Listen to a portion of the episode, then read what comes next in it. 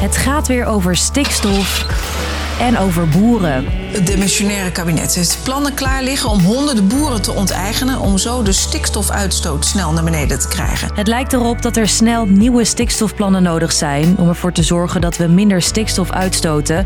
Anders kan het zomaar zijn dat nieuwe huizen bouwen even niet meer kan.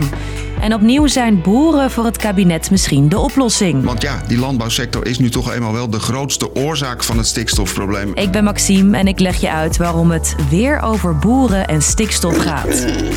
Lang verhaal kort. Een podcast van NOS op 3 en 3FM. Allereerst eh, stikstof. Hoe zat dat ook alweer? Het begon met een uitspraak van de Raad van State twee jaar geleden. De Raad van State vindt dat de overheid kwetsbare natuurgebieden niet voldoende beschermt tegen stikstof. De hoogste bestuursrechter van ons land zette een dikke streep door een flink aantal nieuwe bouwplannen, omdat er in Nederland te veel stikstof wordt uitgestoten. Dat gebeurt bijvoorbeeld op de weg, in de industrie, de bouw en bij de landbouw.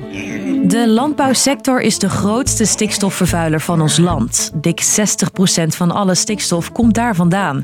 Vooral uit de mest van dieren, wat vol ammoniak en dus ook stikstof zit. Ter vergelijking, alle auto's en vrachtwagens zorgen bij elkaar voor 15% van alle stikstofuitstoot. Via de lucht komt stikstof uiteindelijk terecht in de natuur. Inmiddels zoveel dat sommige planten en bloemen er niet meer kunnen groeien, vertelt deze boswachter. Daar is het mooi open, zo wil je het zien. En als je dan uh, naar de andere kant kijkt, daar zie je heel veel berkjes. En die berkjes zorgen eigenlijk voor dichtgroeien van het gebied.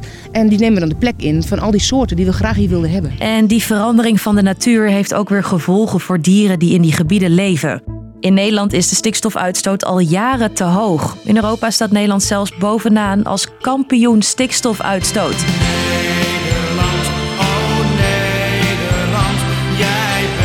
Niet echt een titel waarvoor je een rondvaart door de grachten organiseert. Het stikstofprobleem speelt dus al langer en daarom zijn er ook al afspraken gemaakt over hoe we in Nederland de uitstoot moeten terugdringen. Begin dit jaar werd de stikstofwet aangenomen. Volgens minister Schouten een belangrijk moment. Vooral omdat dat ook betekent dat we aan de ene kant de natuur weer gaan verbeteren, maar ook dat bijvoorbeeld woningbouw weer mogelijk wordt gemaakt en daar is nu heel veel behoefte aan. In de wet staat dat in 2035 74% van de stikstofgevoelige natuur weer helemaal gezond moet zijn. Wil je een bouwvergunning, dan moet je bewijzen dat die niet meer stikstofuitstoot oplevert. Er worden miljarden uitgetrokken om de natuur te herstellen en de bouw duurzamer te maken. En er komt geld beschikbaar om boeren die willen stoppen uit te kopen. Op de stikstofwet was veel kritiek, vooral van boeren. Zoals nu geopereerd wordt om de natuur te beschermen is totale waanzin. Ik bedoel, deze koeien zouden allemaal te veel stikstof uitstoten. Nou, en, en de fabrieken en de, de uitlaat en de grote motoren, die gebruiken niet te veel stikstofruimte in Nederland. Dat valt wel mee. Ik moet al lachen als ik het zeg, het is dat te belachelijk voor woorden. Omdat de landbouwsector de grootste stikstofvervuiler is, worden vooral ook boeren aangepakt. Maar als boeren de stikstofwet niet echt zien zitten, dan is het ook niet zo gek dat sommige maatregelen daardoor uiteindelijk minder opleveren dan vooraf gedacht. Veel minder varkensboeren dan verwacht maken gebruik van de regeling om te stoppen met hun bedrijf. De stikstofbesparing valt daardoor tegen.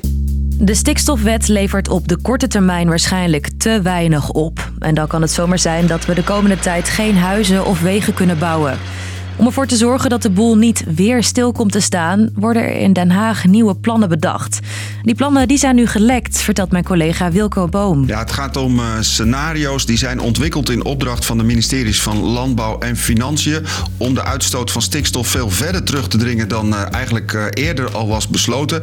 En volgens Haagse bronnen is het nog steeds de bedoeling om boeren vrijwillig plaats te laten maken via opkoopregelingen.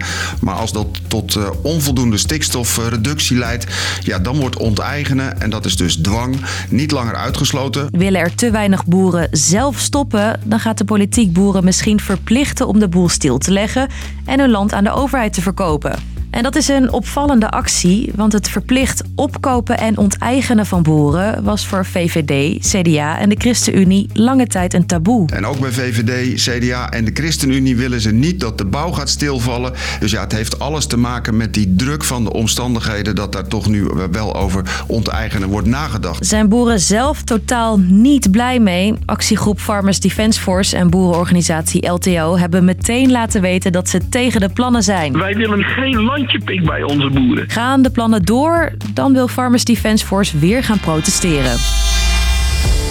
Dus lang verhaal kort, het gaat weer over stikstof en boeren. De plannen die zijn gemaakt om de stikstofuitstoot tegen te gaan, leveren op de korte termijn waarschijnlijk te weinig op.